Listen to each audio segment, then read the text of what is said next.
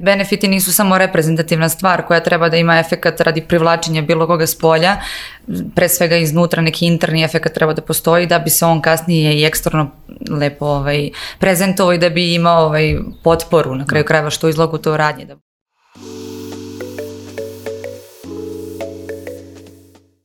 Poštovani slušalci i gledalci, dobrodošli u novu epizodu netokracijnog Office Talks podcasta. Danas u malo proširenom sastavu. Danas e, razgovaramo o tome šta programeri i zaposleni žele u 2022. godini. Je tako, Mare? Da, tako je, kolega Mudriniću. Kao što je rekao, pričamo o tome šta programeri e, žele u 2022. godini, kako izgleda tržište IT zapošljavanja, šta se promenilo, koliko je pandemija uticala, kako uopšte izgleda proces zapošljavanja i generalno pričamo dosta onako, proćemo malo te teze dublje generalno što bi očekivali, a danas imamo dve sagovornice za, ovaj, za promenu i tu su nam Jelena i Ivana. E, Jelena, e, ti si zaposlena u digi, kompaniji Digitech Galaxius, ali tako? I ti si employer branding specialist, a Ivana, ti si u 010, kako se tačno akcentuje? 010. Da, okej. Okay. Idealna prilika da gledamo kako se izgovara 010. Yes. I ti si koliko to brand and HR manager, ili tako? Talent i brand manager, neki Talent... spoj HR-a i employer brandinga, sada već to ne odvoju. to je ta... Manager ko Sale Popović skoro, da. a to je ta, kažem, skupa, ovaj, skupa reč danas, mada employer branding. Kad znači mi, sve. mi kad smo imali prvu, prvu konferenciju, to je bilo 2017. Ja mislim da još nije postala zvanično reč, zvala se od HR-a do marketinga, bio je meetup koji smo radili, e, bilo je zaista mnogo ljudi, tako je tad krenula se priča o tom marketingu za zapošljavanju. Pa hajde da krenemo pitanje za jednu i za drugu. Uh, od, od pandemiju danas koliko se zapošljavanje promenilo? Koliko je teže naći talente danas? E, pa promenilo se značajno. Pre svega pandemija je pokazala jednu veliku prelagodljivost IT industrije da se radi full remote i to je u početku bio uh, dominantan oblik rada svih kompanija i ne samo IT industrije i drugih e, industrija ovaj, takođe su testirane i pokazalo se uspešno da je moguće raditi od kuće. E sad, kako se polako vraćamo u neku koliko toliko normalu, neke kompanije su potpuno zadržale taj remote friendly način rada, neki polako, među njima smo i mi, vraćamo otprilike ljude u kancelariju, tačnije mi smo sve vreme imali otvorene kancelarije za neki miks, ko želi da, da radi od kuće može, ko želi iz kancelarije takođe. E, tržište je sada drugačije zato što ima dosta remote e, ovaj, opcija i dosta kompanija trenutno sve više i više zapošljava. Potražnja jeste uvek bila onako prilično visoka, sada je to dosta intenzivnije i dosta osetnije. Dosta je kompanija koje čak i nemaju svoje predstavništve kancelarije u Beogradu koje takođe zapošljavaju remote naše ljude, da, angažuju. Da, videli smo i neke nove platforme, neka yes. nova rešenja koja svakako ono predstavljaju ono sada ono da kažem sovrsan ono rizik za domaće poslodavce Jest. ovde, da. Jest. I to je takođe samo deficitarno tržište, imaš još jedan taj aspekt koji dodatno ugrožava traženje talenata, ovaj tako da m, porast pozicija, potražnja je jako velika i dalje je problem deficita kvalitetnog kadra. E, u tome prilog da se sve više i više inženjerskih pozicija traži govori i činjenica da to nije samo u IT industriji, to je u drugim industrijama koji imaju neke digitalizovane procese pa samim tim je potreban i taj kadar i opet se to negde i preslikava na e, netehničke pozicije, poput produkt, project pozicija, support pozicija, HR pozicija i vidimo onako jednu šarenolikost i jedan opšti onako. Pa do, da, baš su i startup skenera, bilo je sad istraživanje pre par dana koje je izašlo i bilo je šta koje se pozicije najteže zapošljavaju uh, posle naravno programiranja i dev. To, to su neke prodaje, marketing iz prosto razloga jer nemamo znanje no, nismo imali prilike da radimo stranim tržištima i fali nam to svetsko znanje u kada kažem prodaji, marketingu i još nekim drugim zanimanjima. HR je mnogo više napredao neko neke druge oblasti jer prvenstveno si morao da se zapošljavaš. -hmm. Jelena, šta ti misliš o tome? Da, ovaj, ja bih se nadovezala obzirom da dolazim iz um, branše komerca gde, uh -huh. koji je doživeo ekspanziju i taj njegov prirodni tok uh, progresa je zapravo bio ubrzan tokom pandemije, stoga i zapošljavanje. Naši talent acquisition eksperti, to jest eksperti kinje su imale pune ruke posla i tu se, jel ti, iskristalisao employer branding kao ključan segment svake kompanije da bi pronašao prave talente.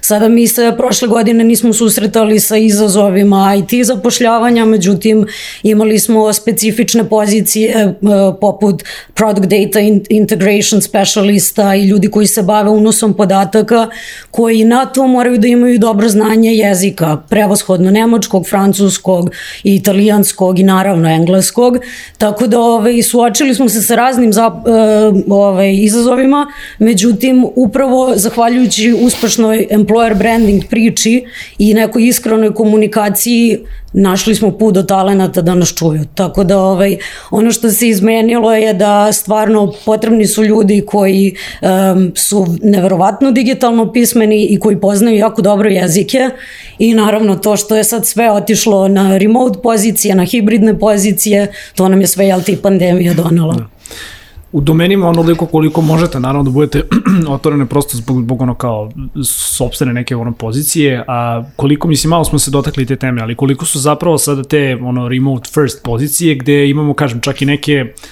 i neka rešenja a, da ljudi ne moraju da budu ni preduzetnici, ne moraju da otvaraju sad ono kao one man deo, već da kažem imamo neke kompanije koje ono u potpunosti zapošljavaju ono full remote radnike ovde. koliko je perspektiva tih nekih poslova, da kažemo ono prosto pozicija tih poslova, sada negde ono otežalo vaš, vaš posao. Da li, da li ljudi koriste negde to u razgovorima za, za posao ovaj, kao, kao ovaj, neku možda kontratežu nekim ono ponudama koje, da kažemo, ono dobijaju ovde u Srbiji ili prosto ovaj, ljudi generalno tržište sada negde naklonjenije da, da bude ovaj remote first u tome? Pa svakako da je porasla e, potražnja za isključivo remote opcijama samih kandidata, ali e, i pandemija to značajno pogurala, što je pokazalo, ok, možemo da radimo od kuće, mnogima se to dopalo, mnogi sad nije, nemaju izbor da rade drugačije, jer neke firme su zaista prešle u potpuni taj režim, ali iz ličnog iskustva mislim da nikada neće biti ili ili, nikada neće biti svi ljudi koji žele remote ili svi ljudi koji žele da se vrate na staro. Ovo je sigurno izrodilo neki najviše hibridni model rada i e, kompanije daju jedan slobodu i opciju e, kandidatima i svojim zaposlenima ukoliko imaju mogućnost da biraju. Mogućnost izbora stvara zaista osjećaj slobode i fleksibilnosti da sam diktiraš i uređuješ svoju radnu organizaciju i radno vreme onako kako ti je želiš. Tako da možda zadržavanje te fleksibilnosti poslodavcima omogućava više nego izbor ili ili. Nisam nikad pristalica ovaj, nekih krajnosti, iako je pandemija izrodila značajno veći broj potreba, pa je vidimo i oglasi. Oglasi se sada utrkuju ko će, ovaj, koja kompanija će pre da istakne remote rad kao benefit. Sada je to postao benefit. A ja moram da ispričam... Niko da istakne i platu. A, da, a ja moram da pomenem da, evo, to je možda neuobičajno, ali se desilo u zadnjih nekoliko meseci da na intervjuima za posao imate kandidate koji vas pitaju da li radite iz kancelarija. I to vas pitaju iščekujući pozitivan odgovor, jer je sad paradoksalno za neke ljude rad iz ofisa postao benefit, jer hoće da se vrate integrišu malo, da se ovaj, druže, live kontakt, rad iz ofisa, njima je to nedostajalo mnogima. Tako da sve je neka, ovaj, kako da kažem, vrlo individualna stvar i dosta zavisi od, od osobe do osobe i nekako tako i treba pristupiti, ukoliko je to normalno moguće, da se što individualnije pristupa ovaj, potrebama zaposlenih. Pa vi, vi, imate veći broj zaposlenih, mislim da ste porasli, pošto smo radili smo ne, neke tekstove zajedno. Kako kod vas to organizovano? Ljudima bitnije da, ono, koliko je bitan ta sloboda i mogućnost da radi od kuće ili većinom dolaze u kanc? Apsolutno im je bitno i apsolutno to i koriste, šta više i um, kada intervjuišete um, ovu generaciju Z ili nas milenijalce, uh, kod nas se nekako podrazumeva da će kompanija da ti pruži pod broj 1 fleksibilnost, pod broj 2 remote. Tako da uh, ljudi baš koriste cenim u dve trećine slučajeva to što mogu da budu ili van Beograda, imamo čak ljude koji su u Africi ili koji odu nekad i do Amerike, to im jako znači da mogu da putuju, da budu uh, do te mere fleksibilni, a s druge strane ovaj, uh, povremeno se polako vraćaju u kanc određeni timovi koji, jel te, uželili su se jednih drugi. Međutim, taj hibrid je zapravo ključ i to je ovaj, jako zdravo i za naše mentalno zdravlje, jer nekad ne možemo i ne želimo da budemo 5 dana u kancelariji, stoga ovaj, želimo da se jedan dan učaurimo i tako iz pidžame radimo, što zapravo jako znači. Tako da bi kompanije trebalo da budu svesne da to čak nije ni benefit, to je nakon pandemije nešto što bi trebalo da postane normalno. Uslov rada. Da, ali ja na primjer to znam, Umesto 5 dana u kancu, budeš 5 dana u pustinji, brate. to je malo problem za internet samo. da. Ja, ali neke, Kao, neke, kao, odakle radiš, kao iz, iz Afrike, trenutno najstabilnije ono tržište. ne, ja znam, iz- ja znam da se neke kompanije vraćaju na ono full iz kanca od 1. aprila. Ne znam kako će još tačno to da izgleda i koliko kako će ljudi da se osjećaju, ali ja, mi generalno smo ono kako kad, mi kod nas je uvijek bio nek, donekle bio, od kad je bila, kad je krenula pandemija bio je hibrid, pre toga smo većinom radili od, iz kanca, ali si mogao, ako ti se ne ide, ako je kiša, snijeg, mećava na polju, košava u Beogradu, kao, oj, kao, ne ide mi se danas, moram spremam ručak kući, tako da, kod, mi smo imali tu mogućnost, ovaj, da, ja spremam ručak konstantno.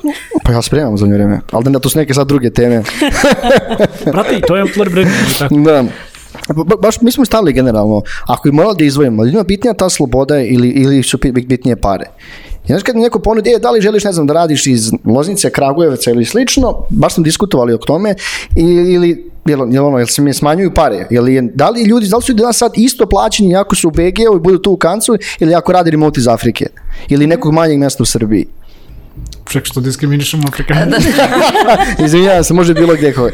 Znaš, jel, jel ima ljudi da bira, kaže, jel si neko... Da, mislim, pitanje je zašto smo znaš kao videli onu u priči sa, sa firmama da kao, aha, ja, ako ćeš da dolaziš u kanci da budeš tu negde ono, ono na oversightu ono menadžera, imaćeš ne znam soma, kao, a ako želiš da radiš iz manjeg nekog mesta, pa kao ono full remote, a kao je 700, 800 max, mislim karikiram sad ono već. Da, takvi, mi smo čuli za takvi slučaje, zato, zato pričamo, Stvarno, da. Iskreno nisam. Mislim, ne znam kakve bi to veze imalo sa tim odakle ja radim, zavisnosti, plaćena sam za određenu ekspertizu. To su ti, to su ti samo ono čudni stavovi poslodavaca, da, ok, nažalost. ali plaćam si za ekspertizu i za doprinose. Ako je taj doprinos vezan za građenje tima, ovaj, ako je taj tim insistirao da se to dešava live, onda to podrazumeva neki udeo provedenog vremena u kancelariji. Ali sada se sve više i više radi na eh, veštinama vođenja timova koji su remote, tako da apsolutno su i te stvari moguće. Tako da plata ne bi trebalo ni na koji način da odražava moj izbor i preferencu odakle ću ja da radim nikada. Mislim, to onda jeste sloboda i fleksibilnost i izbor, a ne diskriminacija u tom slučaju. Apsolutno. I čak i one e, sitne administrativne sitnice, da kažemo, e, putne naknade i slično, ukoliko osoba odabere da će da provede mesec dana kod kuće, on može da dobije novčanu nadoknadu za internet provajdera, da bi i imao internet. to i uvele. Da. Tako da ovaj, to uvek te sitnice bi trebalo regulisati, međutim ona osnovna naknada za nečiji rad bi trebalo da bude apsolutno jednaka, svejedno da li osoba je stalno u kancelariji ili ko zna gde, dok je, dokle god radi. Znate, kad odeš u Afriku dobiješ leasing za žirafu. Ali kad bolje razmislimo, Dobijaš ovo, ovo naša skupština do, savršeno ona, ona iskorišćava, pošto su većinom svi živi u Beogradu, a prijavljeni su po manjim mestima u Srbiji, onda im se isplaćuje. Skupština je remote od bajkada. da, da su oni baš onako Pazi kakav benefit imaju, klopa, brate, vrhunskog kvaliteta za sitno. dosta jeftino, da, da. Brate. Tako je, da li u stvari, da li je realno IT industrija najbolje mesto za rad, ili to ipak skupština dalje? jako, jako, jako IT dobro pitanje. Mi smo ovdje stavili benefite VINS povlastica, to jest ili povlastice u 2022. godini, tome se dosta priča. I negde ljudi vrlo često mešaju šta su benefite, šta su povlastice, šta su pa vas, za vas dve, onako baš pravi benefiti, E, a šta su neke nepotrebne stvari koje se kompanije i daju ili hvale ili slično. E, pa najbolje možda i najgrublja podala e, benefitive sa povlastice bi bilo da ok, benefiti su ono što ti je značajno i neophodno za rad, a povlastice su nice to have kategorija i buk- bukvalno opet se vraćamo na tu koronu i tu pandemiju koja je definitivno izrodila e, čistu razliku šta je šta. Ti kada se radi od kuće, ono što je tebi bilo ključno jeste plata, sigurnost, dobar projekat, dobra komunikacija, tim, zdravstveno, privatno, definitivno u tim uslovima i tako, tako neke, da kažem, uređene e, povlaste, odnosno benefite koje su imale značaj za tvoju organizaciju, sigurnost i privatni aspekt tvog života. Sve ostalo što te vezivalo za kancelariju ili za tim ili za neke uživo varijante nije moralo u tom trenutku ovaj, da bude neki prioritet. I to je napravilo distinkciju između toga šta je ključan benefit, a šta je ovaj, neka povlastica. Mi smo baš krajem 2020. godine ovaj, poučeni tim ovaj, prvim udarom korone eh, došli na prosto neku inicijativu da preuredimo ili odnosno da unapredimo postojeći spisak i neki set benefita u našoj firmi Nultinu i sada ponovno posle godinu i po dana radimo reviziju svega toga. Ispostavilo se, ispostavilo se da smo mi uh, uveli par benefita koji su imali bukvalno za cilj da budu dostupni bez obzira da li su ljudi u kancelariji ili nisu i sada su se neki od njih zaista zadržali, pokazali recimo kao najznačajniji privatno gledano benefiti. To su beskamatna keš pozajmica, recimo to je ljudima onako prilično značilo pošto mnogi kupuju stanove. Renoviraju stanove. Renoviraju stanove. Ovaj. ne, to, to ti u IT-u dobri zelenaš. ne, ne, ne, ovo je potpuno bez kamate, ovaj, nismo banka. Pored toga, jedan dobar benefit za ljude... Nisu ni zelenaši. Kaže, do prvog, inače odoše kolena Mudriniću. Izvim se, na, nastavi slobodno, da. Okay. Uh, Ovo je anti-employer brand. Ne, to je bio dobar benefit koji ljudima stvarno znači ovaj, i pokazujem im da za neke privatne stvari mogu da računaju na firmu i u svakom segmentu da se ovaj, da osjećaju suport i tog tipa finanskog, ne samo na nivou posla u napređenja njihovog profesionalnog dela. Ovaj, tu je recimo bila i pravna pomoć, odnosno advokati sa kojima mi sarađujemo su takođe kolegi koristili za neke pr privatne e, svrhe, konsultacije i tako dalje. Neki benefiti su prosto m, silom prilike ili nekorišćenjem, prosto smo ih ovog puta sklonili za sada sa liste, tako da se formirala neka značajno korisna, ovaj, korisna lista benefita koja ima za cilj da ti unapredi privatni aspekt života ukoliko je to moguće, koliko to želiš, profesionalni i timski. To su neke tri kategorije na koje smo mi ovaj, igrali i sveli smo ovaj, neki spisak onako veli, prilično optimalno da se ne bismo ovaj, zaletili u to neko takmičenje, nadmetanje ili uvođenje bezbroj nekih sumanutih benefita koje na kraju niko ni ne koristi i nemaju neki dublji značaj i kratkoročnog, kratkoročnog su efekta, tako da. Ja slušam ove njihove benefite i gledam koliko tebi trebaju ti benefiti. Besplatan advokat i, i brzi cash kredit. Eto, pa da. Ili za druge programere koji rade 12 sati pa kad ih žena ostavi, onda kao, e, imaš žabe advokata. Ja da. sam, za brako razvodnem parnicu. ja, sam, ja sam definitivno pogrešio profesiju. Ne, ali šta mi je, šta mi je ovaj, jako interesantno što je ovo zapravo, da kažem, materija na kojoj mora konstantno da se radi. Mm -hmm. Ne može samo da se postavi ono, jednog dana dođe ono, korona, dođe ne znam ti nije šta, ono, rat u Ukrajini, šta god, i kao je, to je to postavljeno i ono niko se time ne bavi, nego ovo zaista nešto da moraš biti jako analitičan i da pristupaš tome i da prikupljaš feedback ljudi koji su koji su u firmi. Ne? Pa, da. Pa, ovaj spisak, što se tiče benefita u našoj firmi, niko tu nije samo inicijativno došao na ideju, e, mogli bismo ovo i ovo, ovo. Anketiraju se ljudi prikuplja se sveobuhvatan feedback, radi se analize ovaj, kompletne, šta, šta se negde zadržava, šta ne. I što kaže Marko, sve zavisi od, zavisi od same strukture ljudi šta njima potrebno, zavisi negde i od ove pandemijske situacije, pa onda nakon nje, pa revidiranje, konstantan rad na tome. Benefiti nisu samo reprezentativna stvar koja treba da ima efekat radi privlačenja bilo koga s polja, pre svega iznutra neki interni efekt treba da postoji da bi se on kasnije i eksterno lepo ovaj, prezentovao i da bi imao ovaj, potporu na kraju da. krajeva što izlogu to radnje da bude e sad, sad, samo još jedno podpitanje mm -hmm. ovaj, kad, kad smo već dotakli toga koliko takvi benefiti te vrste trebaju da budu po tvom mišljenju deo eksterne komunikacije? Ne previše. Uh, to je uh, benefiti tog tipa nisu, uh, nisu stvari zbog kojih ljudi dolaze ili odlaze iz neke kompanije definitivno. Da kažem da se 90% komunikacije bazira na nekim ključnim vrednostima poput projekata, tehnologija, ekspertize, senioriteta, ljudi sa kojima se rađujete, mogućnosti za napredovanje, nekih, da kažem, edukativnih ili mentorskih formata koje imate unutar vaše kompanije, uslova za rad, ukoliko možete da opseg plate, to bi bilo još ovako filtrirajuće, vrlo idealno idealno i tek na kraju dolaze te neke support stvari koje su benefiti, povlastice, nešto što treba samo da pokaže dodatni aspekt brige, zaposlenim, brige firme o zaposlenim, ali nikako da se to ističe u neki prvi plan, jer onda Dobro, i to je neka poruka, ako to ističete u prvi plan i to je neka poruka na osnovu čega onda bazirate vašu komunikaciju i koji su da. ciljevi kompanije. Napredno.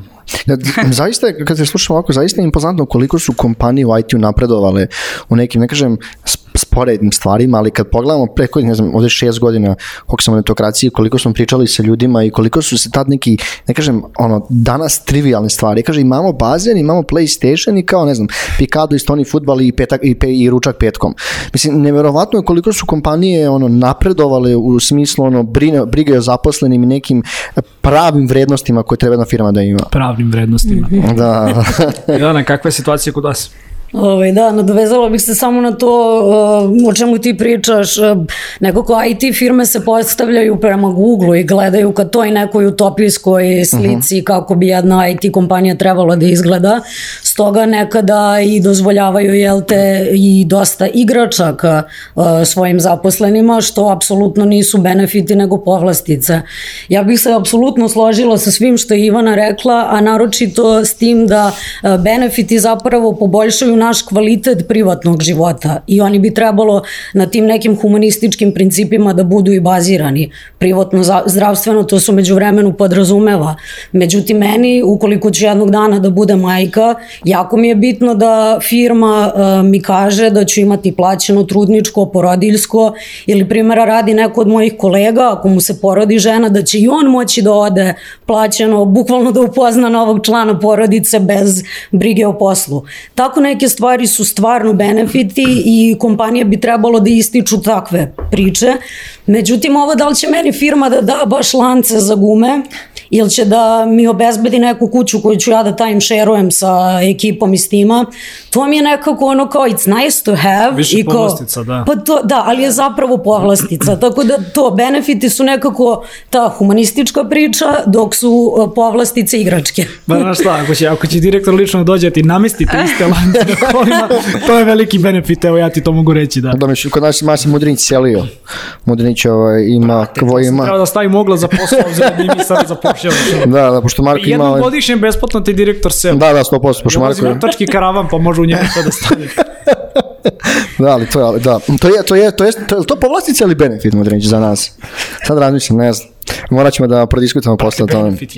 E, kakvi su neki problema danas sreću IT kompanije? Mi smo neke stavili, da li to nedostatak kadrova ili visoke plate i kako je po vama trenutno stanje u našoj IT industriji ako gledamo, gledamo globalno? Pogotovo, eto, ajde kažemo tu ste već par godina, koliko se sad kadrovi koji se prijavljuju na oglase za posao promenili odnosno prethodnih pet godina? Hvala. Napravili smo već redosled.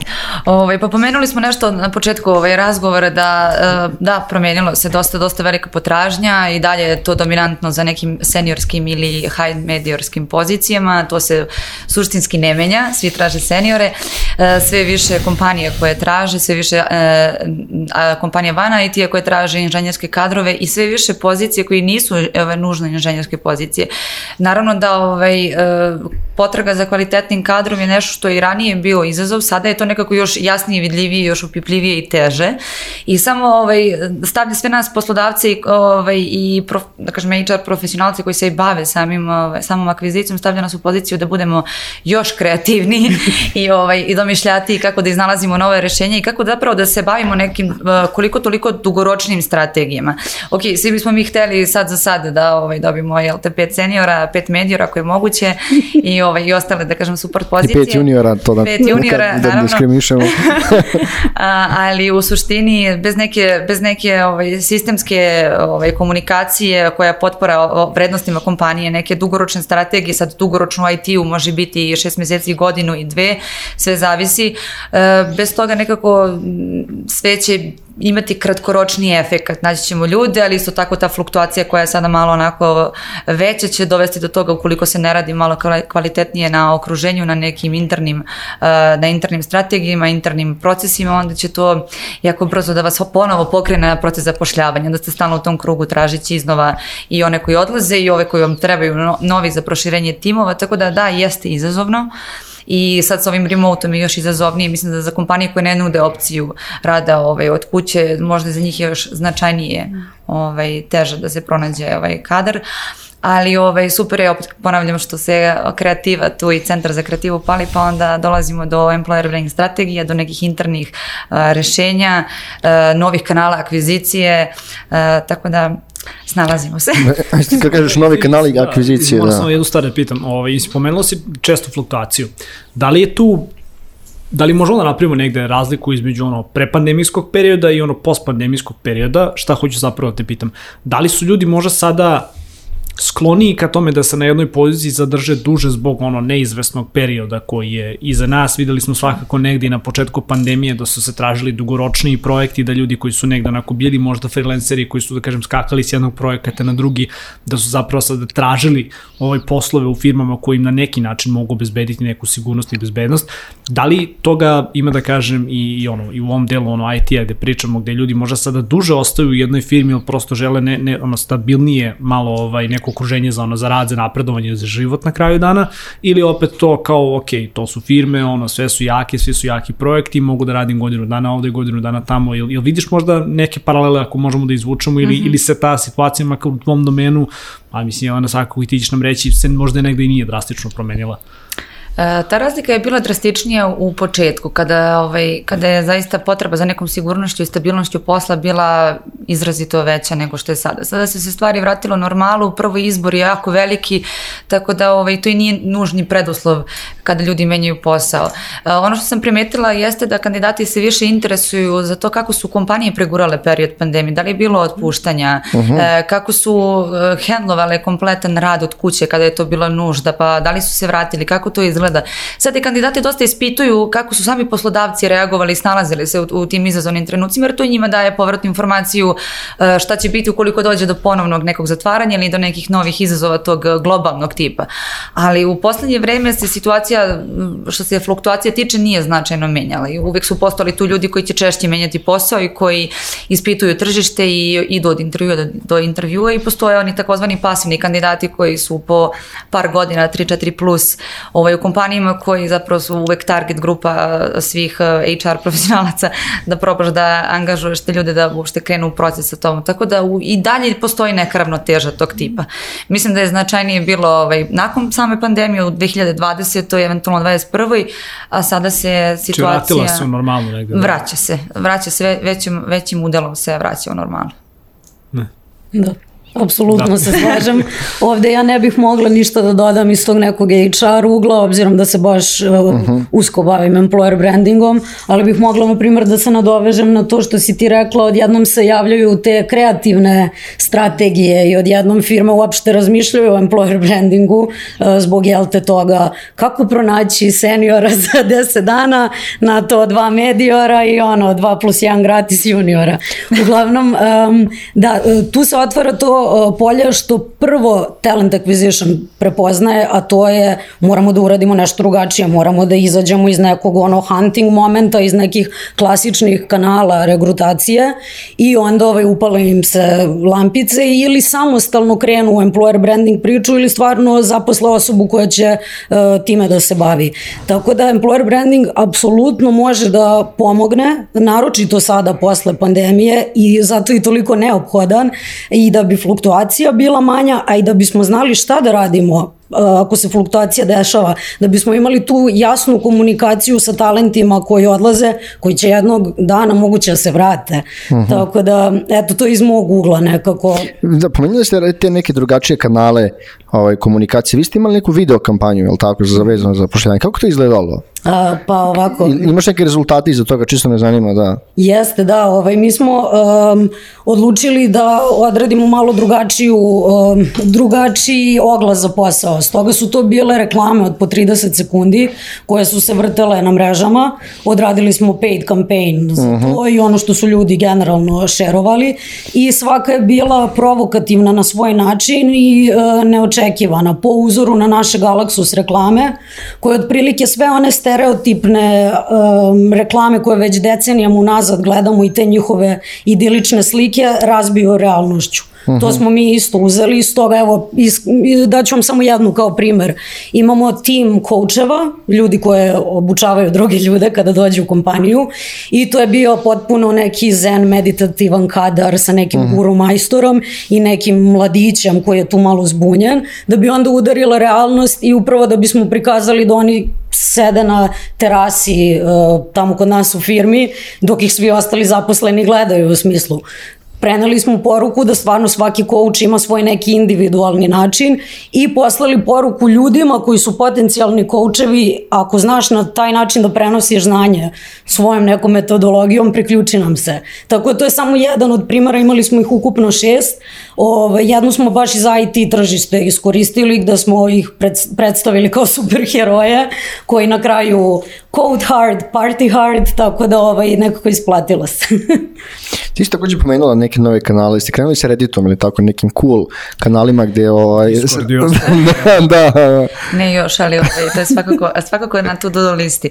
Pa širi, širi se opcija kanala, to je do sada što je Jelena baš i rekla, uglavnom se svodilo na, iako deficitaran kadar i tržište sve se svodilo manje više na sourcing. Svaki rekruter ili uh, talent manager će se složiti da je do sada nekako dominantan način ovaj, i kanal uh, dolaženja do, do talenata jeste direktna komunikacija, znači sourcing ovaj, klasičan, koji sve manje daje rezultata onih kakvi bismo mi želeli s obzirom na potražnju, neki response rate možda nije najadekvatnija na kakav bismo mi želeli, pa to sad nas tera da smislimo neke nove načine. Sad, da li je to komunikacija nekih internih vrednosti na, na, na rad na nekim dugoročnim, uh, dugoročnim praksama i procesima? Uh, da li su to neke nove platforme za uh, preporuke interne, eksterne? Da li su sad uh, to, ne znam, ti si pomenuo Reddit, da li sad to Stack Overflow, da li je to uh, Git ili bilo koja druga platforma koja može, ovaj, treba istražiti. Naravno, nikad se nismo oglašavali ili kretali u neki rad onako na slepo, prilično neka analiza treba da prethodi svemu tome,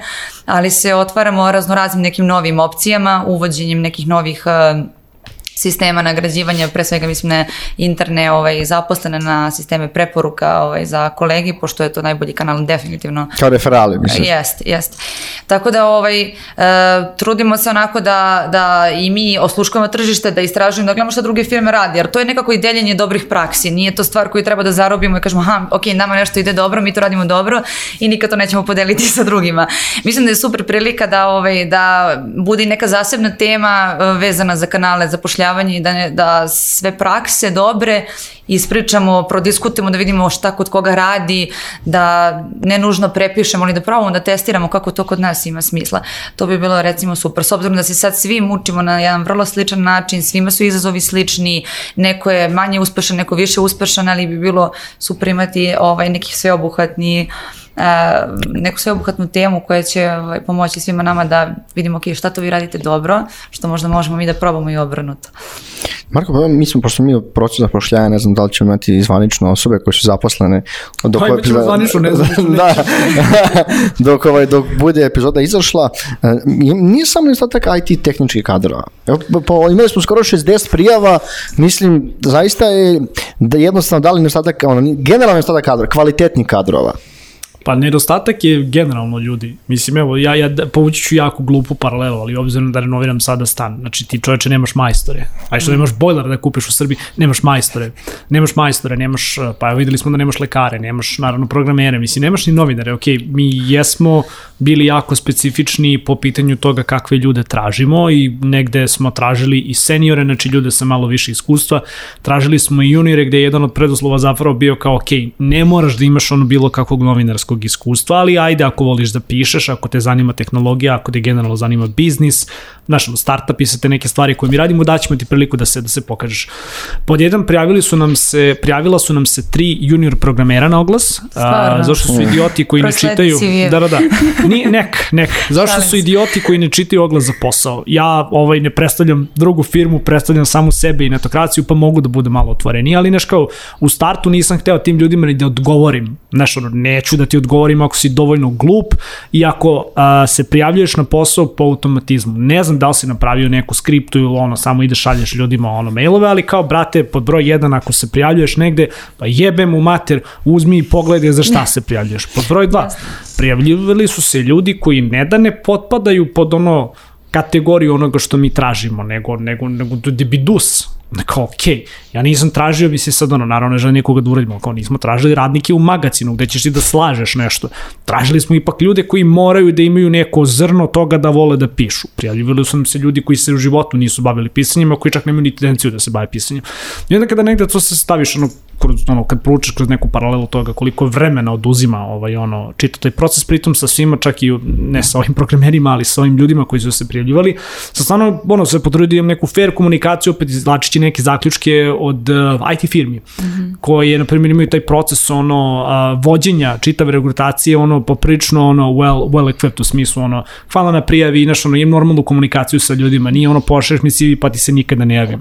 Ali stvarno, mnogo, mnogo, mnogo vremena mi ono, oduzelo meni lično i pravo da vam kažem, ono, divim se svim ono, ljudima koji rade u HR-u, ono, u talent sourcingu, u svemu tome, jer to je ono, kapiram jako, jako ono užasna ovaj, ono branža za, za biti. Da, zbog toga kad smo se čuli, ja sam ti baš rekao to i nekako smo diskutovali da se ljudi jednostavno, da, kao, kao da neće da se potrude dovoljno oko neke pozicije, jedino, samo pošalju CV. A posebno odgo... juniori. Da, ne Znaš, odgovore ne, ne, nam... Negde ono kao ljudi za koje bi očekivao, brate, nemaš posao ili si ono nekom šiti poslu, znaš, nemaš baš tu ono mogućnost kao senior da samo ono kažeš, mene će neko da nađe, ono da me izvuče iz gomile. Ljudi se uopšte nisu potrudili. I znaš kao, malo mi i tužno ako vidim kao, mislim, mislim, dobro, sad, sad je to ono što kažem, kao mladi su, pa ono kao nučići, ali a, prosto mi je fascinantno koliko su ljudi nezainteresujeni. A opet, znaš, vraćam se da ti je posao takav da ipak moraš da se predstaviš, da moraš ono naš lepo da formatiraš tekst, da pošalješ nekako normalan CV. Ljudi šta su slali? A i, i dosta njih je odustalo ver, posle kad su dobili zadatak, da. Isto tako da ste se Da, upravo zbog toga, mislim, ima neko preskočimo jedno pitanje, pa da li su često čujemo da li su programeri razmaženi, ovaj, čak su neke kompanije pravile ovaj, satiričan video sadržaj oko toga i da li imaš neke ti anegdote ovakvih sa da, intervjua? Da, se, da, znaš ono, da, koliko su se njihovi uh, zahtevi povećali? Da li je došlo toga kao što su ovi uh, juniori koji vjerojatno koji nisu čak, nije bio ni, sab, uh, nije bilo ni dobar dan, ćao, prijavljujem se na oglas za poziciju, nego pošalju samo CV i to je to. Jedina Nema ništa drugo. Jedina napisao poz Da. Znaš, mi smo bili malo u čudu, ok, ne zapošljavamo svaki dan, kampiram da se vi vrlo često srećete sa takvim ljudima gde imaju minimum truda, a žele da dobiju tu poziciju. Da, pa osvrnula bi se prvo na što je Mudrinić pomenuo. E, imali ste prvo sreću, nesreću da imate prijave. Ako ćemo da krenemo od toga da Aha, danas, ekstra. danas su kao da super. Da, danas su aplikanti zapravo iščezla grupa, odnosno pre svega mediori i seniori se redko kad iskreno prijavljuju na oglase za posao, to je ovaj, sve veća redkost. Više je slučaj da se upravo juniori, da juniori apliciraju na oglase za posao, ali e, segment, da li je to razmaženo ponašanje gde vi pošaljete, a dešavalo se 100 puta e, tekst, odnosno mail bez ikakvog e, tela maila i kakvog teksta, pošaljete samo CV ili izostane često i CV ili CV prosto nije ni formatiran i svašta unutra bude u tim ovaj, mailovima. Ne znam koliko to govori o razmaženosti, a, a s jedne strane govori možda i o nemanju ikakve motivacije ili uopšte svesti i stepeno razumevanja a, e, kako funkcioniše traženje posla danas. Da... Brate, neprofesionalno je, znaš, na kraju dana stvarno je neprofesionalno. Tako je, i na kraju krajeva sami kandidati na taj način filtriraju sebe, olakšavaju vam posao na taj način način, iskren da budem donekle, ovaj, sami negde izgenerišu ovaj, šta ćete dalje sa njime. Meni se desilo da sam dobila na, da sam dobila na mail, koji nije ni moj, koji je onako kompanijski univerzalni, jedan za, za HR potrebe, da sam dobila prijavu i, odnosno CV za, i prijavu za posao i da je neko prosto promašio, verovatno nije planirao da to bude u, u CC, već u BCC, ali u CC su stajale sve druge IT kompanije. Znači, onako mogu se da vidiš lepo, lepo mailove svih drugih IT kompanija, ovaj, tako da sam pomislila, ok, propust, ali eto, pričamo o tome koliko neko ni ne razmišlja, ni ne pogleda, da, toga, toga ima baš dosta. Pogotovo kod juniora češće to primećujem, a zašto, koji je razlog, koji je stepen demotivacije u svemu tome da ne obrate pažnju ne bih stvarno, ne bih stvarno znala. To jeste neki fenomen sada i zanimljivo bi bilo znati ovaj, šta se tu behind the scene dešava, zašto ko, ko im je rekao da je dovoljno samo da se pošalje CV kao tvoje posao u IT-u. Do, pazi, znaš šta, ja slušam i eksperte HR-a koji ovaj, prognoziraju da ćemo da više nema ono kao prijave na mail, nego da je sad da ti se javljaju ljudi na TikToku, kao da mogu da apliciram na TikToku i na Instagramu. Ja mislim da se to čak dešava u nekim američkim kompanijama, jer oni vrlo često idu iz neku ludačku krajnost, gde ljudi ono, imaju intervjue ono, putem Whatsappa ili šalju glasovne poruke čak, ili ono prave CV na TikToku pa šalju, šalju ovaj, svoj video. Taj svoj video, mislim da je to mlađe generacije, generacija C i ko zna šta će bude još, kako, ovaj, bude, kako vreme bude, kakve će nove generacije biti i Ko zna šta će da bude? za kreativne industrije. Pa da, verovatno jeste za kreativne industrije. Znaš, ako si ti neki, ne znam, advertising, ono, marketar ili nešto slično, to, je, to može da bude veoma cool da vide kako, da vide, vide ka tvoju kompoziciju ili kako to video izgleda, svetlo i ostale, ostale stvari. Ali to je realno jeste bitno kad se pravi neki video, razumiješ? Da, Oj, pa ja bih se baš na to nadovezala. Naprimer, moja prijava za posao uopšte nije bilo CV, nego je bila, bio je kao sajt prezentacija od 50 strana, gde sam ja prikazala svoju svaštaru, nego ko onako napravila legat za unuke, kao e, čime se baba bavila kad je bila to klinka. To je portfolio. E, upravo, samo što je bio clickable i onda su svi u HR-u bili iz fazona, ko je ovo? Znači, viš, viš kako je pametno, nabijala impresije i preglede. Tako Da, da, da, da. Tako da ja i podržavam te neke kao e, neortodoksne načine slanja e, e, CV-a, što više ja sam pobranik toga kill the CV, hajde da se na neke druge načine upoznajemo, ako već ljudima stvarno ne ide pisanje CV-a, neko odrade neki drugi format. Mi smo št- šta više, uh, Talent Acquisition je to podelio sa nama, dobijali video prijave, gde, na primjer, žena ide ulicom i priča o sebi, ali ona to jako lepo, koherentno, smisleno radi, da ti nisi iz fazona, jo bože, šta ova žena radi, nego kao, ovo je realno kandidatkinja. Izvini se, to mlađi godine ili su neke onako srednje godine? Ta osoba je bila stariji godina, Da. što je onako kao wow. A, međutim, ja jedva čekam da Z generacija postaje, postane još zastupljenija na tržištu rada. Da, je isto, da. Šta Je nas isto, čeka? da. Ovaj, tako da da, džuskat ćemo u buduće za poslodavce. Pa gde, gde, gde, gde, gde otpeva najskuplju pesmu? E, ali samo ovaj volela bih na prvobitno pitanje samo da istaknem svoj stan i da, stav, da stanem u odbranu programera, jer iskreno većina njih e, nije ta koja će sad da se igra lopticama i da traži jel te, i benefite i povlastice, nego su veoma racionalni, e, barem iz mog iskustva i oni znaju da oni raspolažu um, skill setom, znači skupom veština koje su trenutno egzotične. I ovaj, te egzotične veštine zbog toga su toliko tražene, toliko plaćanja, stoga im se može e, da nešto prohtevaju. Međutim, u većini slučajeva oni su jako racionalni i racionalno traže da za to svoje egzo, trenutno egzotično znanje e, dobiju nešto za uzvrat i možda i mi svi možemo da naučimo malo od IT-evaca kako sebe da prodajemo. Tako je. Da, dosta dobro. Sa Jelenom za ovo što je rekla, ne bih nikakvu etiketu ovaj, stavljala programerima, postoji taj, ta etiketa isto za bilo koju drugu branšu i bilo koju drugi ovaj, grupu ljudi. I ako je ikada i došlo do te mogućnosti da se sada izlazi u susret nekim ovaj, manje racionalnim zahtjevima i slično, ta odgovornost je onda podeljena. Koliko je do samih ljudi, toliko je do samih kompanija koje se utrkuju da ovaj, osmisle što kreativnije načine kako da privuku kadar i zadrže i da se pokažu kao što atraktivniji poslodavac i mesto za rad i onda se u tome možda nekad pomeri linija gde je to ok, a gde to gubi više neki ovaj dublji značaj. I plus na sve to kad dodamo i ovaj aspekt eh, medija i komunikacije s polja koja ovaj, onako karakterisala IT sa cvetaju ruže i, i proleće unutra, mislim jeste industrija kao takva sigurno udobna i zahvalna za rad, ali daleko od toga da vi za tri vikenda učenja možete da postanete vrhunski medijer programer. Mislim, to su takođe neki narativi koji nisu bliski realnošću. Pa to da, masovni mediji da, štancuju takav kontent. To ti je problem mass Pa, medija. da. Znaš, i to je ono od vajkad još, ono, 2000, ono i neke godine kad je krenula industrija da se razvija. Da, Mislim da to je- da. Porediš prosečan tekst na netokraciju, porediš prosečan tekst na bilo kom ono masovnom mediju, ovdje imaš jedan ono normalan, atraktivan naslov koji treba da te ono natera da klikneš da vidiš šta je to što se dešava na kom projektu ljudi radi i ono kao what's happening. Dok s ove druge strane to su ono, Baš plate, senzacionalizam. Ferrari, Pršte pare, da. bazeni, znači, Yes. ne, Mislim, e, mislim, skoro je bio te, mislim da je Hillward skoro izbacio da je uh, neko istraživanje plata i jedan menadžer ima platu 7.500 evra. Mislim da je to jedan od, ne znam, od 5.000 koji su, ovaj, tipa kako se zove, intervjuisali, ono. Uh, š- uh, I oni, normalno. ono, IT menadžeri su 7.500, oni zarađuju, evo ko zarađuje 7.500. Kićanović, brate. Da, mislim, van, van svake pameti, ali to je odavno, mislim, to je prvenstveno mislim siromašna država. I ima veliki taj disparitet između aj, ljudi koji rade u IT i nekih drugih zanimanja. I onda jednostavno plus r- r- veliki broj, mi smo pre, kad mi smo, ja mi smo 91. i kad smo mi bili, kad smo, Znaš koliko smo matori? No, vi ste malo mlađi. Uh, Samo godinu. Da, Dugo. da. Bile su, bile su situacije da je tad su nicali ono, pri, privatni ekonomski univerziteti, svaki drugi je bio menadžer. Svi živi su bili menadžeri, a sad imamo situaciju da u zadnjih 3-4 godine imaš milion nekih IT školica male. Znaš ono, samo su, se, samo su pre- prešli, ne znam, sad je bilo pisao ekonomiju i budi menadžer, sad tu piše neki IT kurs i zarađuju uh, 2000 evra na dobar dan. Dajem ti samo primjer. Piše pre to fakultet, pa ga ni ne završi, ovaj poput mene. Dobro, mislim, to si ti kriv što imaš samo jedan ispit do kraja, ali nema veze. Da, podelit ću sa vama, jer sam ja inače germanista po profesiji, po obrazovanju. I ovaj, bio je taj bum na Balkanu, svi žele da nauče nemački.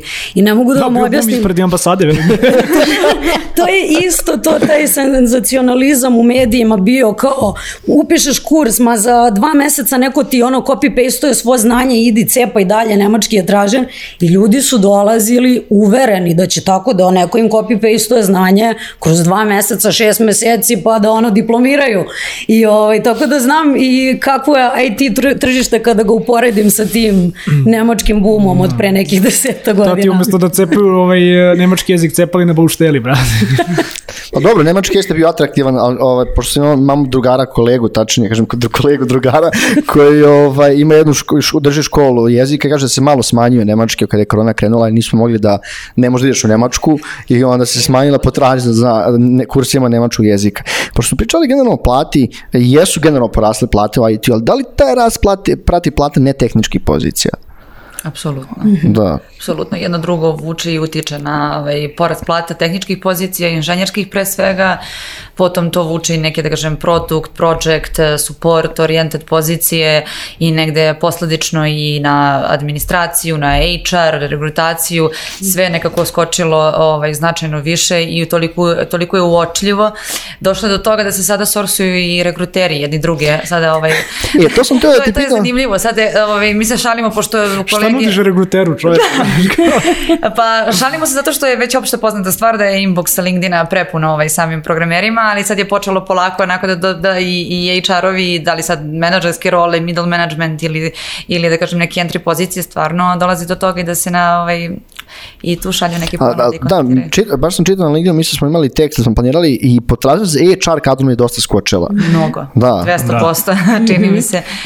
Do sada, a, ako uporedimo 2019. godinu i, a, na primjer, oglase za posao bilo koje HR pozicije, da li je rekrutacija, administracija, da li je neki talent razvoj i tako dalje, e, nije bilo toliko zastupljeno. Imali ste da nađete i da gledate i da ovaj, se prijavljujete, ali sada, sada je to svaki dan scroll, sada je to ovaj, značajno uvećano i, i utrkuju se ko će imati nove ovaj, regruteri i to samo pok- pokazuje onako posledično da ako ti trebaju regruteri, šta to znači? Pa to znači da rasteš, da imaš potrebu za velikim rastom i da imaš problem i poteškoće sa nalaženjem kadra i trebaju ti ljudi koji se time spe, ovaj, specifično bave. Nekad su ljudi angažovali i recimo eksterne agencije da im pomognu sa zapošljavanjem, sada možda to uopšte nije dovoljno, odnosno sada je to komplementarna aktivnost, ti moraš imati interne ovaj, zaposlene koji će, koji će se baviti time i onda je se to sada preraslo, preraslo je okvir IT-a odavno preraslo je da to budu samo IT kompanije, tako da ovaj, jedno drugo vuče posledično. Da, mislim da je taj trend generalno digitalizacije e, je dosta ubrzao što sad političari pričaju, taj, e, jedno vreme ta reč bila isto mnogo skupa reč, sad je već dosadila svima, baš je pogurao generalno razvoj svih industrija i zapošljavanje mnogo drugih tih tehničkih i netehničkih a, rola. Zašto sam to pitao? Zato što um, dešava se sad ova situacija u Ukrajini, možda se odrazi da skočne još više potražnja za IT kadrom. Znači je program, i- da, i- da, u, ujedno ako je naša tražnja velika ponuda, a ponuda se smanji, um, cene generalno negdje idu gore. Zanima kako mi generalno možemo da rešimo problem kadrova u IT, je li to još fakultet, šta je li još fakulteta ili kako da, pravim, kako da napravimo još, ajmo Driniću, ti isto, pošto ipak tu dosta uključen u zajednicu, kako da napravimo, ne znam, još 5000 ili 10.000 programera a, a, godišnje, jer ko- s kim god pričamo, svi su kao treba nam više, kao fakulteti moraju da, da više ono, da imaju više kurseva, ali jednostavno nije jednostavno, kad mi nemamo to, mi smo mala zemlja, mi imamo, ne znam, 3000 ili koliko, 3 miliona možda radno sposobnih ljudi. Vidi, reći samo jednu stvar, pa neka to bude uvod na, na ovo što će Ivana i Jelena ovaj, uh, reći, ali ako pogledaš bilo koji problem u Srbiji i zaista malo zagrebeš ispod površine, shvatit ćeš da uglavnom koren tog problema se nalazi u edukaciji, u školstvu, u obrazovanju a, i onda može da se preliva, aha, da li nam je potrebno više fakulteta koji se bave tim stvarima, pa dobro, ali ako nam je potrebno više fakulteta, trebaju nam i srednje škole koje negde prate uvod u te neke teme, aha, ali ako nam trebaju i te srednje škole, onda treba da ljude ono pripremamo i u osnovnim školama, Pa zato tako da... petlja, ali tako, da. Ne, ne samo to, ja ti govorim baš si, sistemski, znači školstvo u Srbiji je devalvirano, opustošeno i tako već proteklih 10 godina, tako da ja mislim da ne postoji ono ovaj podcast bi se mnogo odužio, postao bi jedno live od nekih 10 sati, da probamo mi sada da ovde analiziramo kako napraviti više kadra, kako odškolovati više kadra, kako motivisati taj kadar da se, da se prosto upusti u neku industriju, problem je uglavnom i nažalost ovaj, se tresuje do, do školstva. Znači od osnovnog preko srednjeg do, do visokog školstva uvek je, uvek da, je to mislim, problem. Ja, mislim, mama je radi u školi, uh, ti si imao bliski, isto do ljudi bliske u familiji koji su radili u školstvu. Uh, jednostavno, kad pogledaš plate tih zaposlenih, to su jako male pare. I mislim da je to isto uticalo što vrlo često mladi, dobar kadar ne, ne želi da radi u školstvu.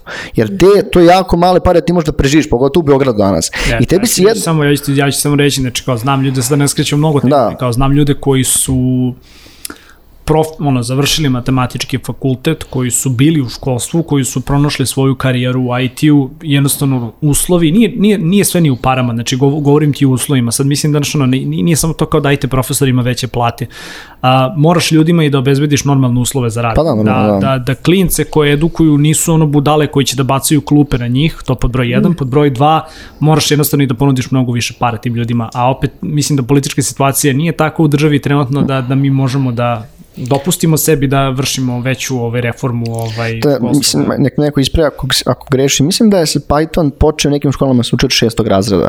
Da. Znam da je bila dilema da li klinci treba da uče od šestog razreda ili ne treba da, da li je to previše ovaj, U svakom rano. slučaju završit ću samo sa tim pa da pustimo gošća, da. Da. da ovo ne ispane naš monolog, ali ovaj, ako nam je veća edukacija takva kakva jeste, mislim da prosto klince negde ono, u vreme srednje škole ili šta god, treba malo edukovati o prilikama koje postoje. Mm -hmm. Znaš, svi dok smo u srednjoj školi, ono, želimo se gasiramo, ono, ribe, lova, izlasci, vamo, namo, i vidi, većina ljudi kada krene da radi u IT-u prođe kroz taj period.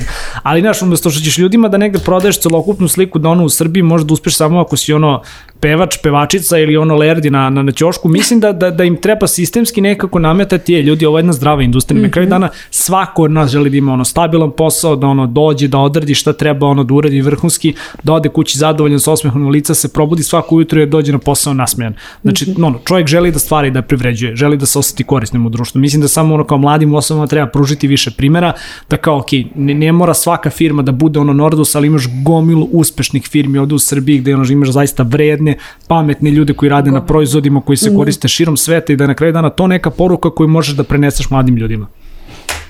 Da. Bio si je. Evo ti moj Ali imate vi šta da dodate? Ovo je bilo telefonija. podcast, pozva ljude u podcast, držimo novo. Da, da, da, da. Ogromnom trenutak. Ovaj, složila bi se da, da, da sve stvari negde kreću sistemski u boljim uređenjem i, i, i značajno većim, ovaj, većim, većim brojem edukacija targetiranih na mlade ljude i ja privatno volim da se bavim nekim edukacijama koje su pre svega usmerene na ljude koji tek treba da kroče u, u radni svet i da im se negde približi realnost tog radnog sveta, a ne samo ovaj, da dobiju inpute sa interneta i sa društvenih mreža koje često nekako nisu alajnovane sa onim što je realnost. Ali takođe s druge strane na dodatak ovome što je Marko rekao jeste takođe i odgovornost kompanije da se pozabave time na koji način one izlaze u susret izazovima kada ne mogu da nađu neki kadar, kada ne možemo svi da nađemo 10 seniora ovaj, mesečno, šta onda mi radimo? Iskreno, Null Team kao kompanija koja se bavi izradom custom softverskih rešenja, znači mi smo jesmo outsource, ali radimo ovaj custom rešenja, nije klasičan, nije klasično iznajmljivanje ljudi ovaj, krajnjem, ovaj, krajnjem klijentu. Pored te neki core, ovaj, core biznisa, core aktivnosti ovde u Beogradu, nama je veliki udeo rad na mentoringu. Mi imamo pozicije koje recimo su izazvali veliki boom, ja ne znam iz kog razloga, ali očigledno su ljudi željni toga. Imamo pozicije koje su baš nominovane mentor software developer, znači osoba koja jeste developer, ali čiji je glavni fokus mentorisanje, ona je samo isključivo zbog toga zaposlena. Mi imamo tim ljudi u Beogradu koji mentoriše kolegije u Holandiji ili koja mentoriše neke ovaj, juniore ili stažiste kod nas u Beogradu. I to je nekako jedna, jedna, jedna velika putanja za nas lično, možda nekome bude korisno ovaj, da, da čuje pa da smisle neku sličnu strategiju, ali stvarno jeste, kada radite interno na jačanju znanja, veština, kada obezbedite neograničen budžet kao što smo od ove godine to uradili za edukaciju, vi dajete ljudima jednu širinu i ovaj, negdje tako i filtrate ko, koliko je samo inicijativan, koliko želite ime da se bavi kada ima sve mogućnosti na, na stolu. A mi pomažemo to putem financija, putem resursa i organizacije koja deli jednu knowledge sharing kulturu, da se znanje usvaja i deli. I plus kada postoje specifične pozicije poput mentora koje su tu isključivo ovaj, posvećene uh, unapređenju i radu sa samim juniorima, mediorima, to govori onako, govori kompletno kakva je kultura, kakve su vrednosti te firme, u kom pravcu ona misle da ide, kako misle da iznutra pravi sobstvene seniore, eto bukvalno tako nekako najplastičnije rečeno, ali ako već ne možete da ih nađete lako s polja, nađete način kako da preoblikujete interno sistem da izrodite, izgenerišete sebi ljude i kadrove koji su vama potrebni, a da se pritom i otvorite i da budete fleksibilni kad je u pitanju zapošljavanje manje iskusnih ljudi, da im dajete šansu i da im dajete neki razvojni pravac gde možete da bude win-win situacija, vi dobijete naravno kasnije kroz par godina kvalitetan kadar, oni su među vremenom razvijaju sve više i više doprinose okruženju, timu, projektu, tako da to je možda neka ovaj, jedna od strategije, jedna od načina kako može da se utiče. -hmm. onako pojedinačno. pa eto, ja da sumiram ono što smo se svi složili, a to je obrazovanje je apsolutno ključ. Međutim, ukoliko mi ne možemo direktno da utičamo na državu da se bavi nekom reformom, naročito da je sprovede, a, hajde da utičemo na kompanije i da im kažemo pa stipendirajte te mlade, investirajte malo u njih, a, imaju klinci u srednjim školama koji organizuju svoje hakatone, hajde podržite ih, podržimo ih generalno, tako da kroz 10 godina mogu mogu da očekuju nove mlade ljude ovaj, koji su spremni da rade u IT svetu. Da. Znači, država edukuje na mlade. Investicije u, da. u, u obrazovanje i u edukaciji. Znam da to kao vrlo često považemo, ono, pričamo, ne samo mi, nego pričamo kao papagaj, ali to, i dosta, i, to je baš bitno. To je i generalno... Pa vidi, znači ne postoji sad opet ono da ne ispane da, da uzem, izvini, molim te, ali ne postoji niti jedna bitnija stvar od edukacije u svakom Absolut. aspektu ovog društva i, i ono našeg okruženja. I to nije vezano samo za posao, to je vezano za... Za sve. Za sve. Mora da se menja, počevši od osnovne škole pa nadalje. I to da. ne mora ni da ima, mislim, formalno, formalno obrazovanje je svakako preduslov, ali ne mora nužno imati veze sa tim. Mislim, kako bismo mm -hmm. se mhm. kao društvo ovaj, organizovali i, radili svako u svom domenu, svako u svojim mogućnostima, promena bi bila očigledna. Da. Pokrećem školicu novina. Stavi olovku ovde. Kaže, deco... Profa mudra. Da, Lekcija broj 1, čim dođete na posao, otvorite čašicu viski. e, došli smo negde, uh, mi stavili ovde kao job review platforme. Mm -hmm. Pošto ti baš za neka employer branding, ti si opet neka funkcija, ono, mix employer brandinga, HR-a i market, hibridna, da, hibridni employer branding. ja, e, Koliko su bitne danas job review platforme? Mislim, mi u, Srbiji imamo ono, dve generalno najpoznatije, to su mm -hmm. da Hello World slash InfoStud i uh, Joberti. Koliko generalno, uh, koliko je bitan feedback zaposlenih tamo i kako se možemo da nateramo zaposlene da stave, ostave ovaj, tamo neki komentar i koliko generalno ljudi prate te platforme, dobiješ feedback, e, čitali smo šta kažu ljudi ili slično i to. Da. Hoćemo sad malo neortodoksije, jer ja toliko volim uh, job review platforme i one su dokaz da employer branding nije marketing i da mi ne možemo interno da utičemo na sliku na brand naš i sliku o nama. Uh, upravo te platforme mogu da nam pomognu, zato što mi tu vidimo iskrene recenzije, iskrena mišljenja raznoraznih bivših zaposlenih ili ljudi koji su prošli kroz proces intervjua. I to bi upravo trebalo da iskoristimo kada pričamo priču o nama kao poslodavcu i da vidimo sve te, na primjer mi to štampamo u firmi, ogledalo firme, pa to je urnebes i to je stvarno nekad si ispozvana, wow, ko si ti osobo, jer ovo je toliko kreativno kako si ti ceo taj pičva iz odrečenice sročio, tako da mi imamo ono na zidu kalaštura, lapača, znači to su neki termini kao wow, Ekstra. ali to je sve strava može da se iskoristi evo kao i poziv ljudima da razmišljaju malo kreativnije. Uzmite te iskrene recenzije, i obrnite ih malo advertajzerski u, u svrhu employer brandinga. Recite ako nešto bilo negativno, suočite se s tim, uradite to ili na šaljiv način to predstavite kao deo svoje priče ili se jednostavno konfrontujte s tim na neki uh, najzdraviji mogući način. Tako da, da, job review platforme su super i sa, uh, sam content je fantastičan, uh, hrani employer branding. Znam si mene koji uređujem job, job platforme, brate, i recenzije, onako. Da, mogu da zamislim, mogu da zamislim. Kaže, ja smo dobili kao feedback od HR, on mi ćemo da reći, da, da, da, to sam ja. E, samo to. Ivana, kakva je kod tebe situacija, mišljenje o tome? E, pa dodala bih samo da su job re- review platforme e, sada postale važan aspekt e, motivacije samih kandidata da li uopšte da uđu u proces sa vama. Iskreno da budem pogotovo kada kandidati nemaju interne zaposlene ili bivše kolege koje, gde mogu da ispitaju aha, ok, reci mi nešto više, da li to sve ima smisla, da li to sve stvarno tako kako oni pričaju, onda vi odete na website, društvene mreže i ovaj, određene platforme i tu čitate komentare ne samo, ne samo zaposlenih, već i kandidata i to vam je dobar podstrek da li uopšte želite ovaj, da, da krenete dalje sa tom kompanijom ili ne. I sami kandidati to neretko ističu na, na sred intervjua, kada se priča malo o motivaciji, kako ste došli do ovaj, informacija o firmi, oni nerad, ovaj, neretko otkrivaju, aha, ok, pročitao smo vama ovaj, super komentari i bukvalno je to jedan veliki aspekt motivacije zašto su oni danas sede preko puta vas, jer mogu da biraju. I sad zamislite vi 50 poruka mesečno da imate u inboxu, pa naravno da nećete ostatići na svih 50 intervjua, već ćete filtrirati. I te job review platforme definitivno u tom filtriranju mogu da pomognu. I samo bih dodala da su te platforme i svi ti komentari tamo, da nisu cilj sam po sebi, to je definitivno uzročno posledična veza sa onim šta radite iznutra. Mm -hmm. I ne bi trebalo mnogo kompanija se bave da li se u nama piše ružno ili lepo, jer sigurno ako se grupišu neki ružni i, i ovaj, negativni, manje negativni ili pozitivni aspekti, sigurno da tu ima neke istine. Ali onda je to dobar pokazatelj, da, ok, ajmo onda na tome da radimo, ono šta god iznutra mi radili, eksterno je samo posledica bavljanja onoga što radimo iznutra sa svojim zaposlenima ili sa kandidatima kao eksternim, ovaj, kao eksternim talentima i onda su ti reviewovi zapravo samo odraz, neka vrsta ogledala onoga šta vi radite i kako to radite, koliko dobro, koliko posvećeno, koliko dosledno na kraju krajeva. Da. I da opet napomenem, te, um, ti negativni komentari su zapravo manjina. To su stvarno ono klice neke koje, ili čak imaju ljudi koji troluju, koji zapravo nemaju takvo mišljenje o kompaniji, uh -huh. o kolegama i to da, nego jednostavno može im se kad su an anonimni na netu. Previše Ove... vremena proveli na Redditu. pa da. Mislim, znaš kako, to, to ti bio ti. da.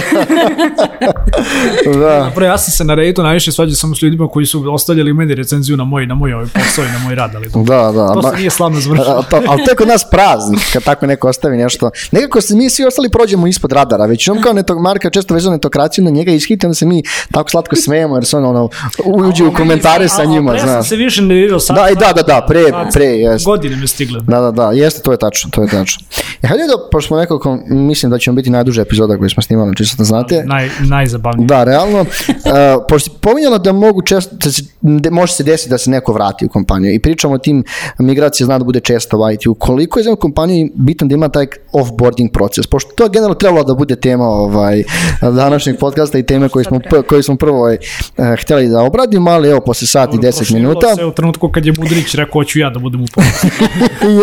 Jeste, kako uopšte offboarding treba da izgleda i koliko se uopšte dešava da se radnik koji je otišao, posle nekog vremena se, e, vrati u firmu. Kaže, ja sam pogrešio, hoću da se vratim. To se kod nas desilo, Mudrinić otišao na 3 dana pre jedno 10 godina. Ali nakon što je ostavio da. komentar na netu. Ove. Ovaj. Kad se vraća da ga onako kao, kao Game of Thrones, ono shame, shame.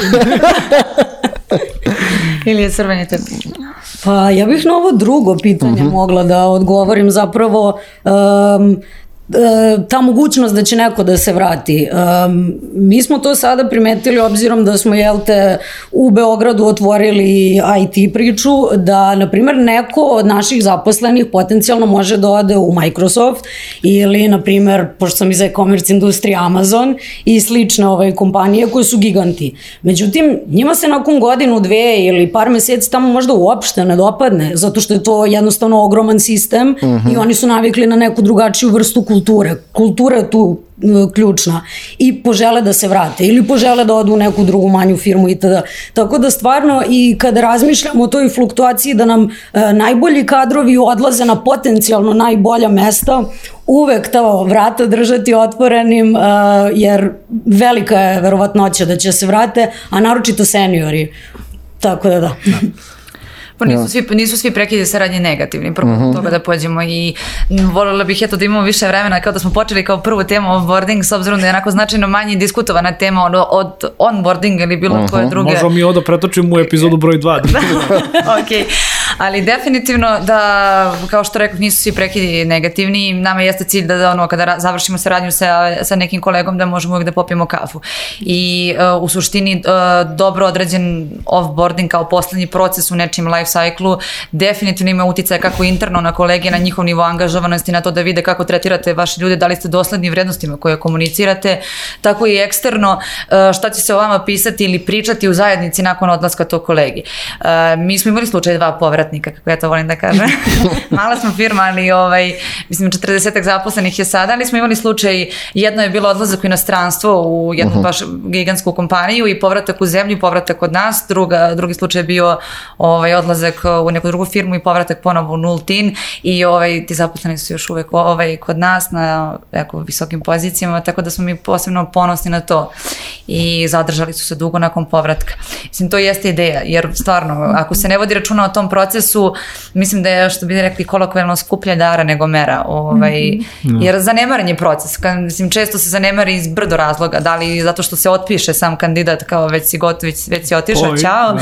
ja se fokusiram na ove, na ove što ostaju, ili ne postoji proces, ili ne postoji svest o važnosti tog procesa, neko ko se time bavi uopšte, e, ne postoji svrha prikupljenih podataka šta dalje s njima, ne postoji rad na retention strategiji. To A sad su... pitanje zapravo za kao firme koje nas možda slušaju pojedince, koji možda nikad nisu prošli kroz, kroz offboarding ovaj, proces, šta zapravo podrazumeva taj proces, da li je to neki ono izlazi intervju, prikupljenje mhm. nekog feedbacka, primjena tog nekog feedbacka, kako se generalno kompanija treba negde odnositi prema, prema zaposlenom u tom trenutku? Mogu ja da kažem, da, da, da. kad sam imao, pošto kad sam bio već pre sedam godina ili šest godina u EG-u, ovaj, inače je marketing agencija, uh, ja sećam se, oni su tad, već smo pričali više, budemo neku baš tranziciju, otišlo dosta, ono, ukinuli, ne znam, digitalnu produkciju, mnogo ljudi otišlo, znači velika, oni su velika, jedan od većih, aj stvarno, ovih uh, marketing agencija u zemlji, i sad se dobije neki papir, I inače moj mentor, sad sam bio praktikant ili kao god i moja mentorka ovaj, imala je, imali su neki bitan pitch, inače Goran bio polomio nogu čisto da znaš ovaj Jankolovski nije mogao da bude tu i oni su nostom morali da gore dole, ja sam dobio jedan papir ovako koji imao kao da popuniš, kao posle ne znam 3-4 meseca ako sam bio tu da popuniš neki papir koji kao treba da bude tvoj izlazni intervju. Znači to je dosta basic bilo kako si zadovoljan, da li šta, kako bi ocenio ovo, kako bi ocenio. Mislim da čovjek nisam ni popunio. Jer kao niko od tih dana, pošto oni bili svi zauzeti, niko nije bio potrudio, jako sam ja do, dobar sa tim ljudima sad, čisto da, da ne, da, da, da, da, kao, da, ne hitam to, ali, znaš, oni su mi samo dali, e, kao, ne stižem ništa popunio papir i kao sve najbolje u životu, fazon. To, ali da. nisi imao uopšte interakciju sa osobom. Ne, tih zadnjih dana baš bio pakao celoj firmi, kompaniji i onda kao, ništa nisam dobro. To je bio možda masovni boarding, pa je ovaj, to bila... Ne, ne, nije to bilo. To ti je ono kao kad se praksa završava, ciklus prakse, ne znam, nemaju ni puno, znam, troje praktikanata u fazonu u tom ciklusu, razumeš, tako nešto. Da, pa, smo boarding jeste poslednji proces, ako ćemo tada prikupljamo info ko je koliko bio zadovoljan i čime, mislim da, da je tu onako već prilično kasno, mm -hmm. sve te neke akcije treba da prethode tom ovaj, zadnjem procesu. Da se vratim na pitanje, sam proces ako neko ovaj, nema neki ovaj, sistemski uređen proces. Samo boarding dosta i zavisi od toga koliki je nečiji otkazni rok, da se ne lažemo, nekada uh mhm. -huh. boarding ima ovaj, značajno bolje efekte ili manje efekte u zavisnosti da li vi imate 30 dana na raspolaganju ili ste uzeli odmor pa ste samo 7 dana tu prisutni sa kolegama. Zna, zavisi naravno od toga da li imate naslednika svoje pozicije, nekog iz tima ko to preuzima ili morate nekoga ovaj, da mhm. angažujete, da tražite i zapošljavate, što se sigurno neće poklopiti vrlo verovatno, ovaj, baš tako blizu. Ako nema naslednika, to je pravna pomoć. Tako je. Ovaj, ali u suštini postoji, ja sam ovaj, pis, uh, pišući za vaš blog uh, na ovu temu razdvojila neka dva krupnija segmenta offboardinga. Jedan je taj tehničko-administrativni koji podrazumeva definisanje stop data, razduživanje opreme, te ad, birokratsko-administrativne stvari koje takođe ono, neki cheat sheet mora da postoji i da pratimo tu proceduru i to je temelj ono solidnog offboardinga, ne bi kasnije ostavljali repove za time. Ali onaj ključni deo koji, e, koji čini proces kvalitetnim, pogotovo za tim projekat koji ostaje bez konkretno kolege, jeste takozvani handover plan. To je plan koji se kreira ovaj, da bi se dokumentovao što više neka projektna dokumentacija, spisak zaduženja, odgovornosti kontakta, statusi projekta, dokle se stiglo. Na kraju krajeva sve zavisi koje, kog senioriteta je osoba koja odlazi, da li je to junior, da li je to neko ko je vodio mm -hmm. projekat, u, u tim u vezi dosta je kompleksna ta priča i što više dokumentacije, što više uh, knowledge transfera na ljude iz tima ili onog ko preuzima poziciju, definitivno bolji, bolji, bolji offboarding. I druga stvar, uh, kvalitet nečijeg onboardinga kasnije zavisi od toga kako ste nečiji offboarding prethodno uradili. Tako da je to element koji može da olakša nekome ko dolazi na tu poziciju. Ako, da, da, to sam prvo da kažem. E, Da. a pitanje je jedno, ovaj, u, u tim situacijama, možda Jelena ti možda podeliš sa nama, koliko je u tim situacijama dobro ili loše za firmu da sad bude u fazonu o ne, pa šta se desilo što odlaziš, jel u pitanju više plate, evo ti kao još ono 200-300 evra povišice, evo kompanije treba da idu malo sa tim ono kao srpski gazda mentalitetom ili prosto ono kao u, ovoj industriji makar ovaj, ono već došlo od toga da neko prosto želi da radi na drugom projektu, da nije novac sad ono jedina stvar koja, koja negde utiče na to da li neko ostaje ili odlazi. Kako kompanije tu negde treba da nastupe? Možda neki vaš ono da kažem čak i lični savet ovaj. Pa lični savet racionalno i pre svega razgovorom, a ovo što je Ivana e, napomenula, to se unutar našeg tog people experience tima isto radi. To sve zvuči kao da smo neka ono skandinavska poslovna utopija, ali to je kako se stvari strukturirano rade. A to da li će neko otići zavisi od te osobe i ne bi trebalo cenkati se sad nešto preterano. E, to je ono što sam zapravo htio da te pitam. Apsolutno, Da, da, da. nego preispitati te razloge. Pa ako su razlozi neka klackalica 80%, ne bih da odem, naravno, tu se onda umešati. Međutim, to ljudi koji su baš stručni za to, to su ovaj, pravi HR kadrovi, ovaj, mnogo bolje bi znali da odgovore od mene. Pa mislim, pomenuli smo malo prije exit intervju i ovaj, sam formular exit intervjua i kasniji razgovor uživo e, treba da ima neku svrhu i neki cilj. Mislim, e, dešava se sigurno da kompanije ispoštuju formu, imaju taj formular, a kasnije ništa ne urade sa tim podacima, ništa sa tim, ovaj, sa tim povratnim, ono, zlata vrednim, anketiranim Stave ga- stave zlatom. da. I ove, a vi ako imate za godinu, dve ili tri, ako imate ono 20 ili 30 koliko god da imate offboardinga i ovaj, urađenih exit intervjua, mora doći do nekog grupisanja razloga zašto su ljudi odlazili. Da li je to sad, ne znam, nezadovoljstvo projektom, tehnologijom, menadžerom, uslovima. I to su vam e, zlate vredne informacije na daljem radu da se neke stvari otklone, reše, revidiraju, e, da se pozabavimo nekom retention strategijom da uopšte ne bi dolazilo do offboardinga ili da bi dolazilo što manje. Tako da ovaj, poenta jeste svrha zašto mi to radimo, za, zašto organizujemo taj proces kako ga organizujemo i šta sa njim dalje ovaj, Da iz našeg ugla employer brandinga mi takođe e, ispitujemo kulturu koju je kandidat poneo sa sobom. U smislu nakon šest meseci da li su te naše vrednosti zapravo imale uticaj na njegov novi posao i sve to što je naučio kod nas i to kako je živeo, da kažemo, poslovno e, prethodnih godina. Tako da tu onda i mi vidimo da li je naša kultura dobra i zdrava, jer uglavnom ljudi kažu da, poneli su neku od vrednosti sa sobom ili uradili su nešto na način što su skontali kod nas, tako da, da. Strava, da. Pa evo, blizu smo kraja. Ovaj, Šalim se, naravno. e, generalno za kraj, da li očekujete neke promene ovaj, u IT za, za, za kažem, zapošljavanje našem tržištu dok toku 2020. godine? Nešto ono momentalno što će se desiti ili će jednostavno samo se ove dobre ono prakse nastaviti da se dalje razvijaju. Pa pre druga opcija, nešto ne vidim da ima preterano prostora za inovacije, jer su već ovo sad za vreme pandemije svi nekako postali znatno inovativniji i kreativniji nego što su bili. Stoga mislim da će se dobre pa- prakse samo potvrditi a, i da će neke kompanije koje se nisu uopšte bavile dobrim praksama videti kako su to ovi koji su kroz to prošli uradili i a, preuzeti model. Tako da to je to. Ne verujem da ćemo sad nešto uh, posvedočiti nekoj spektakularnoj promeni na tržištu. Slažem se, samo će se izroditi možda ovaj, više primjera dobre prakse i neka knowledge sharinga situacije može da se desi na samom tržištu, da se pokupe primjeri ovaj, eh, kako to radi neko dobro, na dobar način i da ovaj, crpimo znanje jedni od drugih, jer je to je neka suština zajednice, svi radimo na kraju krajeva u, u istom cilju, istoj svrsi, a to je da nađemo kvalitetan kadar, da obavljamo svoj posao, isporučujemo određene rešenja, tako da složila bi se sa Jelenom, eto, bez nekog daljeg dodavanja. Dodirnuli smo ovu temu na početku, sredini i sad na kraju kao neki sum up. To je konferencija da, da pitaš. Pa možemo možemo staviti na kraju... A, pitanje. Da, bonus pitanje, pošto se kao sad ve- već, već kompanije se dosta vraćaju u kancelarije, da li se vraćaju i baš konferencije, ali fizički događaje, koji je jako bitan deo a, zapošljanja u IT, generalno employer branding strategije kompanija? Da li su, da li su počeli da se javljaju, ne znam, organizatori, e, organizujemo nešto, pravimo konferenciju, ali i dalje je to i dalje još slabo?